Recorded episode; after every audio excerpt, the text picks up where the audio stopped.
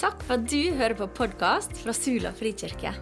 Vi ønsker å lede mennesker til Jesus og forandre Sula med Guds godhet. Denne talen er spilt inn på en av våre gudstjenester, som er på søndager klokka 11. Vil du vite mer om oss, finner du mer info på Facebook eller på sulafrikirke.no. Du er alltid velkommen til Sula frikirke. Vi leser jo Bibelen sammen her i Sula frikirke. Og det er jo sånn at det, den teksten som jeg skal snakke om i dag, den er henta fra, fra sist uke. Og jeg vil bare anbefale deg, hvis ikke du hever deg med på den, om å være med og lese Bibelen sammen. For det er ganske fint å på en måte eh, gå gjennom Bibelen sammen på denne måten. Og jeg skal få lov til å tale over en tekst som står i Markus 14. Og jeg kjenner nesten litt sånn på uh, ærefrykt over for skal være den som preiker over denne teksten. For den skiller seg litt ut. Den på en måte står litt fram. da, fordi at så mange av tekstene i evangeliet handler om Jesus som gjør noe for de rundt seg. Jesus som på en måte eh, møter mennesket og gjør noe. Mens i denne teksten så er det snudd på hodet. Her er det ei kvinne som kommer og gjør noe for Jesus. Og jeg tror det er en skatt da, som vi skal få lov til å på en måte se litt nærmere på nå. Men la oss begynne med å lese. Markus 14, vers 3-9. Jesus var i Betania hos Simon den spedalske. Mens de lå til bords, kom det inn en kvikne med en alabastkrukke med ekte og kostbar nardusalve. Hun brøt krukken og helte salven ut over hodet hans. Noen som var der, sa forarget til hverandre.: Hva skal denne sløsingen med salve være godt for? Salven kunne vært solgt for mer enn 300 denarer og pengene gitt til de fattige. Og de snakket strengt til henne. Men Jesus sa, 'La henne være. Hvorfor plager dere henne? Hun har gjort en god gjerning mot meg.' 'De fattige har dere alltid hos dere, og dem kan dere gjøre godt imot så ofte dere vil.' 'Men meg har dere ikke alltid.' Hun gjorde det hun kunne. Hun har på forhånd salvet kroppen min til gravferden. Sannelig, jeg sier dere, overalt i verden hvor evangeliet blir forkynt, skal også det hun gjorde, fortelles til minne om henne. Denne historien er jo gjenfortalt tre ganger i evangelia. Vi finner den i Matteus, og her i Markus, som vi las nå, og i Johannes. Den samme historien, men gjenfortalt fra litt ulike synsvinkler. Og Går vi til Johannes, så finner vi ut at denne kvinnen har jo et navn. Det er Maria, det er Maria fra Betania. Og hun møter vi faktisk flere ganger i evangeliet. Og det har jeg på en måte litt lyst til å løfte litt fram da, før vi på en måte dykker litt ned i denne teksten. For Maria hun har fått møte Jesus. Eh, første gangen For Maria ja, hun er på en måte, hun er søster til Martha og søster til Lasarus. Og Første gangen vi møter henne, så er Jesus på besøk hjemme hos dem. Og Kanskje har du hørt den historien før. Der Martha, sånn, styrer rundt for å ordne til. sant? Lage mat, at alt skal være fint til, til gjestene som er der. Men så Maria bare sitter oppslukt ved Jesu føtter. Eh, og hvor Martha, søstera, bare 'Jesus, ser ikke du hvor jeg styrer her nå?' Be om Maria om å hjelpe meg. Og så sier Jesus, 'Nei, Maria hun har valgt den gode del'. Jeg lurer litt på hva var det som skjedde der når Maria satt ved Jesu føtter. Hva var det han snakka om? Hva var det hun så i blikket hans? En annen gang vi møter Maria, så er det under tragiske omstendigheter.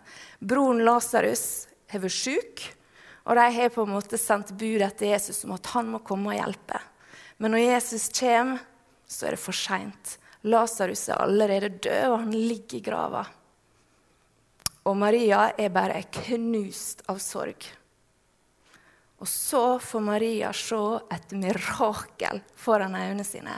Når Jesus går til grava og roper til Lasarus 'Lasarus, kom ut!' Og ut kommer broren hennes, og hun bare får se han i levende live. Snakk om å vende sorg til glede. Og jeg hadde bare lyst til å på en måte bringe litt av disse andre møtepunktene som Maria hadde hatt med Jesus. Fordi at de trengs for å på en måte forstå det som skjer i denne handlinga her. For i den teksten som vi nettopp la, så møter vi Maria igjen ved Jesus. Men denne gangen i tilbedelse, der hun på en måte bare gjør en sånn kjærlighetshandling for Jesus. Og det er en respons dere. Det er en respons på den Jesus er, og det han har gjort i livet hennes. Og Det er min første liksom, punkt da, som jeg har lyst til å trekke fram fra denne teksten at tilbedelse, det er vår respons. Det er en respons til, på Gud, på den han er, og det han gjør. I 1. Johannes 4, 19 så står det Vi elsker fordi han elsker oss først. Det er aldri omvendt. Det er aldri sånn at vi kommer til Jesus og elsker han i et håp om at han skal elske oss tilbake, eller elske oss enda mer. Men han elsker oss. Punktum. Og tilbedelse er vår respons på den kjærligheten. Og i 1. Johannes eh, 4, 9-10 så står det Og ved dette ble Guds kjærlighet åpenbart blant oss. At Gud sendte sin enbårne sønn til verden for at vi skulle leve ved ham. Ja, dette er kjærligheten. Ikke at vi har elsket Gud, men at Han har elsket oss og sendt sin sønn til soning for våre synder. Vi elsker fordi han elsker oss først. Og Maria skulle på en måte ha vært her sant? og bare fordelt historien sin om sitt møte med Jesus. Hvem han er, og hva han har gjort i livet hennes. Og hvis vi skal trekke tråden over til våre liv, da, hva er din historie? Hvis du har fått møte Jesus, hvis du har tatt imot ham, hva er din historie? Hva er det han har gjort for deg? Hva er det han har gjort i livet ditt? Eller hvis du kjenner etter og er ærlig med deg sjøl og med Gud. Er du i en sesong der du trenger at Jesus kommer og møter deg på nytt? At Jesus på nytt kommer og vekker hjertet ditt til live igjen? For det begynner der. Og Jesus han er her, da. For kjenner de tilbedelsen, sant? hvordan Guds nærvær bare fyller rommet når vi sammen bare løfter opp navnet hans. Gud, han er her, og han ønsker å møte deg. Jeg var på, kom i snakk med en mann borti gata, på gata borti byen for et par dager siden, jeg er jo en venn. Eh, og som endte opp med at vi fikk lov til å be for han. Og der, midt på gata, var det sånn jeg måtte ut og klype meg i armen. Gud, dette, skjer dette, liksom? For vi fikk lov til å be for han. Og det som skjer, er at Guds nærvær bare kommer og berører han. Jeg bare ser på øynene tårene bare begynner å på en måte piple fram. Og han bare 'Hva som skjer? Dette her er så spesielt.' Og så sier jeg 'Hva er det du kjenner?' Og så sier han 'Nei, jeg vet ikke hvordan jeg skal forklare det, men jeg kjenner bare en sånn god følelse, en sånn godhet som bare fyller hele kroppen min. Og så hadde vi bedt for ryggen hans, da, for han hadde vært i ei ulykke og skada ryggen sin. Og så, sånn, så kjenner jeg bare en sånn varme her bak. Det var Gud som møter han midt på gata i Ålesund. Gud, han er her, da. Det var sånn Hele tida er bare sånn Han er der for han ønsker å møte oss. Og bare la oss få lov til å erfare hvor høyt han elsker oss. Og når vi snakker om tilbedelse, så begynner det der. At Gud får møte deg. At han får lov til å fylle deg med sin kjærlighet. For første gang, eller på nytt, hver eneste dag. Og Neste punktet mitt er at tilbedelse er kostbart. Tilbedelse er noe som koster. Det er noe verdifullt, noe kostbart. Og mye kan jo sies om denne her nå nardussalva da, eh, som Maria kommer med. Og det må jo ha vært hallo, det må jo ha vært det mest verdifulle familien til Maria hadde. Ei sånn alabastkrukke med nardussalve verdt ei hel årslønn. Ingenting på badet mitt er verdt så mye. Ei hel årslønn. Det det må ha vært det mest verdifulle som Maria og familien eide. Og så står det i Johannes da, så står det at det var et pund med denne nardussalva. Og Vanligvis så var disse her nå alabastkrukkene det kunne være sånn ca. Sånn 24 gram. eller noe sånt. Men hun hadde liksom tolv ganger så mye. Det var ikke bare at hun hadde ei veldig veldig dyr salve, men hun hadde liksom mye av den. En tredjedels kilo. Og så står det hvordan Maria bryter krukka. Og disse alabastkrukkene de var forsegla, så når du først åpna dem, da var den åpna. Da var det gjort, liksom. Um, og så holder ikke hun noe tilbake. Det er ikke sånn at Hun gir litt til Jesus og så litt til seg sjøl. Sånn nå endelig den krukka som de har spart på, verdt ei hel årslønn. Men hun bare øser alt ut over Jesus.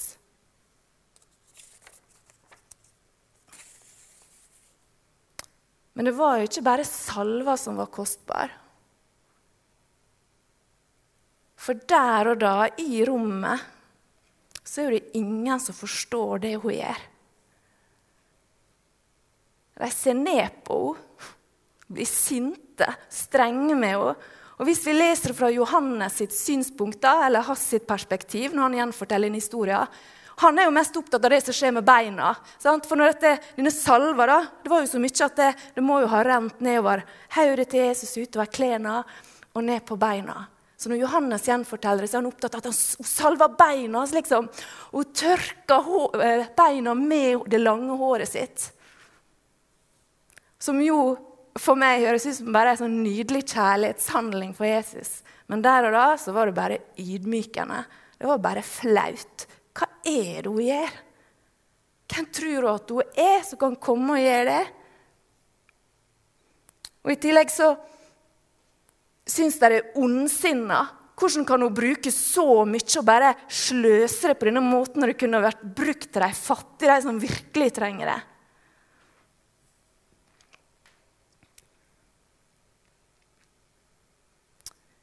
Maria hun legger ned sitt gode navn og rykte ned for Jesu føtter denne dagen her.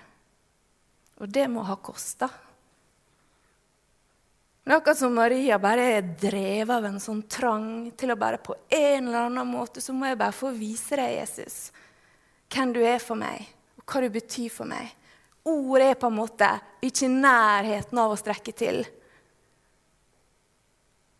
Så hun finner det mest styrbare og verdifulle hun eier. Og så bare øser hun det ut på Jesus uten å holde noe tilbake og uten å bry seg det døyt om hva de i rommet mener om henne. Og reaksjonen til de rundt henne, det treffer meg, da. Mitt gode navn og rykte. Vet dere? Mitt gode navn og rykte, hva alle rundt meg tenker om meg og mener om meg, det betyr mer for meg enn hva jeg liker å innrømme. Det var akkurat som når jeg las teksten, så var det akkurat som jeg så meg sjøl med en sånn skatt. En veldig veldig verdifull skatt som jeg bare vil vokte livet mitt med. Da. Og det er liksom mitt gode navn og rykte. Liksom bare sånn Alt Jesus, alt Jesus for deg. Du bare Her er livet mitt, men å, mitt gode navn og rykte, det vil jeg veldig gjerne måle Jesus. Um, men vet dere hva jeg har funnet ut av? Det er at mitt gode navn og rykte er så utrolig verdifullt for meg. Det hindrer meg i å dele Jesus med andre rundt meg. For jeg er så redd for hva de vil tenke om meg, hva de vil synes om meg. Tro skal jo være en privatsak som vi ikke skal på en måte sette ord på. Det er på en måte så mye rundt oss som gjør at det er fryktelig vanskelig å ta steget ut og dele tru. Det som på en måte er det mest verdifulle vi har. ikke sant? Og det å dele Jesus med folk rundt oss utenfor disse veggene her, det er jo på en av de på en måte mest fantastiske måtene vi kan få lov til å tilbe Jesus på. Tenk da, gleden i Guds hjerte når vi får lov til å komme og lede noen som han har bare lengta etter og elska så høyt. Så kan vi få lov til å lede deg hjem til han. Wow! Det er ganske fantastisk å få være med på. Og ikke bare ville glede være en tilbedelse som bare bringer Gud sånn glede. Men da får vi på en måte invitere andre med inn i tilbedelsen. Så kan de være med å joine sant? for å gi Gud ære. For han er så verdig. Han er så verdig.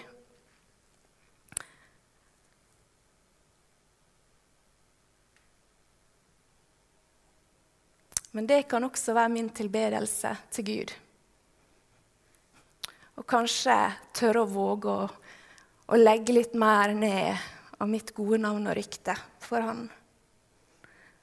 For når ga jeg Jesus en tilbedelse som var kostbar, som kosta meg noe? Sånn som Maria gjorde. Og Dette er jo ett eksempel, men det kan jo overføres til så mange områder i livet. For tilbedelse det kan uttrykkes på så mange måter. Det er så mye, mye, mye mer enn det vi gjør sammen her i kirka på søndagene når vi på en måte tilber Gud gjennom lovsangen. Og jeg bare lurer på, Er dere med på, gode venner, i uka som kommer, på utvide tilbedelsesrepertoaret vårt? Har dere lyst til å være med på det? Bare gå ut i uka og bare Hei, hvordan kan jeg tilbe deg, Gud? Gi deg noe tilbake for det du har gjort for meg. Med den jeg er, og med det jeg har. For det fins ingen grense for hvordan vi kan uttrykke tilbedelse. Om det føles aldri så lite, da, det som du har i hendene dine, gi det. Gi det til han som et kjærlighetsoffer. For Gud, han ser, og det til velbehag for han. Hun gjorde det hun kunne, sa Jesus. Gi han det du har. Og det er aldri bortkasta. De driver og sier 'for ei sløsing'. Men vet du hva? det var ikke sløsing i det hele tatt. For tilbedelse, hver minste lille handling du og jeg gjør i tilbedelse til Gud, det er aldri bortkasta. Det er aldri sløsing. Han ser hvert minste lille kjærlighetsoffer som du og jeg gir til ham. Hm. Og du, du kan tilbe Jesus på så mange måter. Sant? Du kan tilbe Jesus ved å trene fotballaget til sønnen din. Bare si 'Jesus, disse guttene her, skal bli så gode i fotball.' 'Og jeg skal lære meg navnene deres.' 'Og jeg skal bygge relasjon med dem. Jeg skal være glad i dem.' 'Og det er min tilbedelse til deg, Jesus.' Denne naboen min, som jeg vet er ensom og bor alene, og som aldri har besøk på døra. Jeg vil bruke tid hver eneste uke på å gå og besøke den naboen. Og det er min tilbedelse til deg. Pengene som jeg har Gud, jeg vil gi raust til noen som trenger det, og det er min tilbedelse til deg. Fordi du har elska meg, og fordi du betyr så mye for meg. Tilbedelse er noe kostbart. Det koster noe. Det er et, på en måte et kjærlighetsoffer. Og så er det siste punktet mitt. da. Tilbedelse sprer velduft. Det lukter godt. For disse kjærlighetsofrene som vi gir til Jesus, de lukter godt. Og det er nardussalva da, Jeg har aldri lukta nardussalve. Er det noen som har gjort det? For det, den lukter veldig, veldig sterkt. Jeg har hørt at det skal liksom bare en bitte liten dråpe til, så bare kjenner du det. da. Og det sitter i. Det er en lukt som sitter i. Og Maria kom ikke bare med en liten dråpe. sant? Hun kom liksom med ett pund, en tredjedels kilo, som hun bare øste utover Jesus. Så det er ganske stor sannsynlighet for at når Jesus blir korsfesta ei uke etterpå, og når soldatene henger Jesus på korset, at de fortsatt kjenner lukta av Marias kjærlighetshandling. Vår tilbedelse den sprer velduft. Og se for dere da, dere, hvordan vi bare kan gå ut i denne uka og bare fylle sula med tilværelse til Gud. Med livet vårt, med der vi er, og med det vi har i hendene. Og ved å utvide tilværelsesrepertoaret vårt. Kanskje handler det om kanskje du vil faktisk gjøre veldig mange av de tingene som du allerede gjør, men hjertet ditt bak endrer seg. Der du før kanskje gjorde ting av liksom pliktfølelse og dårlig samvittighet, så kan du på en måte snu deg og så bare Gud, dette er min tilbedelse til deg. Tilbedelse er alltid drevet av kjærlighet, ikke plikt eller dårlig samvittighet eller ta meg sammen, men det er drevet av kjærlighet. Og vi kan få lov til å leve liv som tilber Han. Og når vi får fylle sula da, med velduft ved å leve liv som på en måte bare å, På en eller annen måte, Gud, så bare ønsker jeg å vise hva du betyr for meg. Når vi gjør det, så tror jeg folk vil merke det. Hva er det som lukter så godt? Hva er det som på en måte, hva er det som skjer? Hva er det med disse her folka? Og hva vil jeg finne i sentrum av dine veldufter? Som kanskje vil gjøre deg litt nysgjerrig. Hva vil de finne i sentrum av denne tilbedelsen? De vil finne Jesus. Og bare han. For det er han vi tilber. Det er han vi bare peker med hele livet vårt mot. At vi har en skatt som er bare mer verdt enn alt annet. Mer verdt enn dette gode navnet og ryktet mitt som jeg er så opptatt av. Og så kan folk få lov til å finne Jesus ved at vi lever liv som elsker Han. Wow. Jeg vil avslutte der jeg starta. Dere, vi elsker fordi Han elsker oss først. Aldri omvendt. Og når Jesus ser på deg, så er aldri hans fokus hva du kan gi han, eller hva du kan gi for han. For Gud, han elsker deg, og kjærligheten søker ikke sitt eget. Så når Jesus ser på deg, så er hans hjerte Hva kan jeg gi for deg? Hva kan jeg gi for deg? Hva er det du trenger? Hva er det jeg kan gi deg? Hvordan kan jeg elske deg i dette øyeblikket her? Det er hans fokus. Og du er så elska. Og jeg spurte Gud da Gud, hva er det du ønsker å gjøre denne søndagen her? Hva er det du ønsker å gjøre gjennom denne teksten? så opplevde jeg at Gud sa at jeg ønsker å vekke tilbedelsen i hjertet deres. Jeg ønsker å vekke den til livet. Kanskje for første gang, eller kanskje på nytt. Men han ønsker å vekke tilværelsen i hjertet vårt. Og så opplever jeg at Gud sa at han ønsket å utvide den. Til å på en måte bare få så mange flere farger og fasonger og på en måte uttrykk. Jeg tror vi har bare masse å oppdage der, da når vi går ut i uka. Og så opplever jeg at Gud sa at han ønsket å gå dypere med oss. Uansett hvor lenge du har fulgt Jesus eller kjent ham, er det så mye mer. Bare i forhold til det å se mer av hvem Gud er, hvem han er, hvor verdig han er. Hvor verdig han er i våre liv. Eller gå dypere med han i forhold til å se hva han ønsker å gi gjennom deg. Hva han skal bruke deg til, hva han har gitt deg i hendene. Og hva som skjer når du begynner å bare uh, gå ut i nye ting sammen med han. Så han ønsker å vekke tilværelsen, han ønsker å utvide den, og han ønsker å gå dypere med oss denne dagen. Og så fikk jeg en sånn, litt sånn ja, en erfaring av at det kanskje er noen som kjenner at trua di har bare blitt et sånt ork. Alt med Jesus og Gud og tru har bare åh, Det kjennes bare som et ork. Og det var nesten så Jeg hadde en sånn opplevelse at bare du ser kirkebygget her, så knyter det seg i magen din.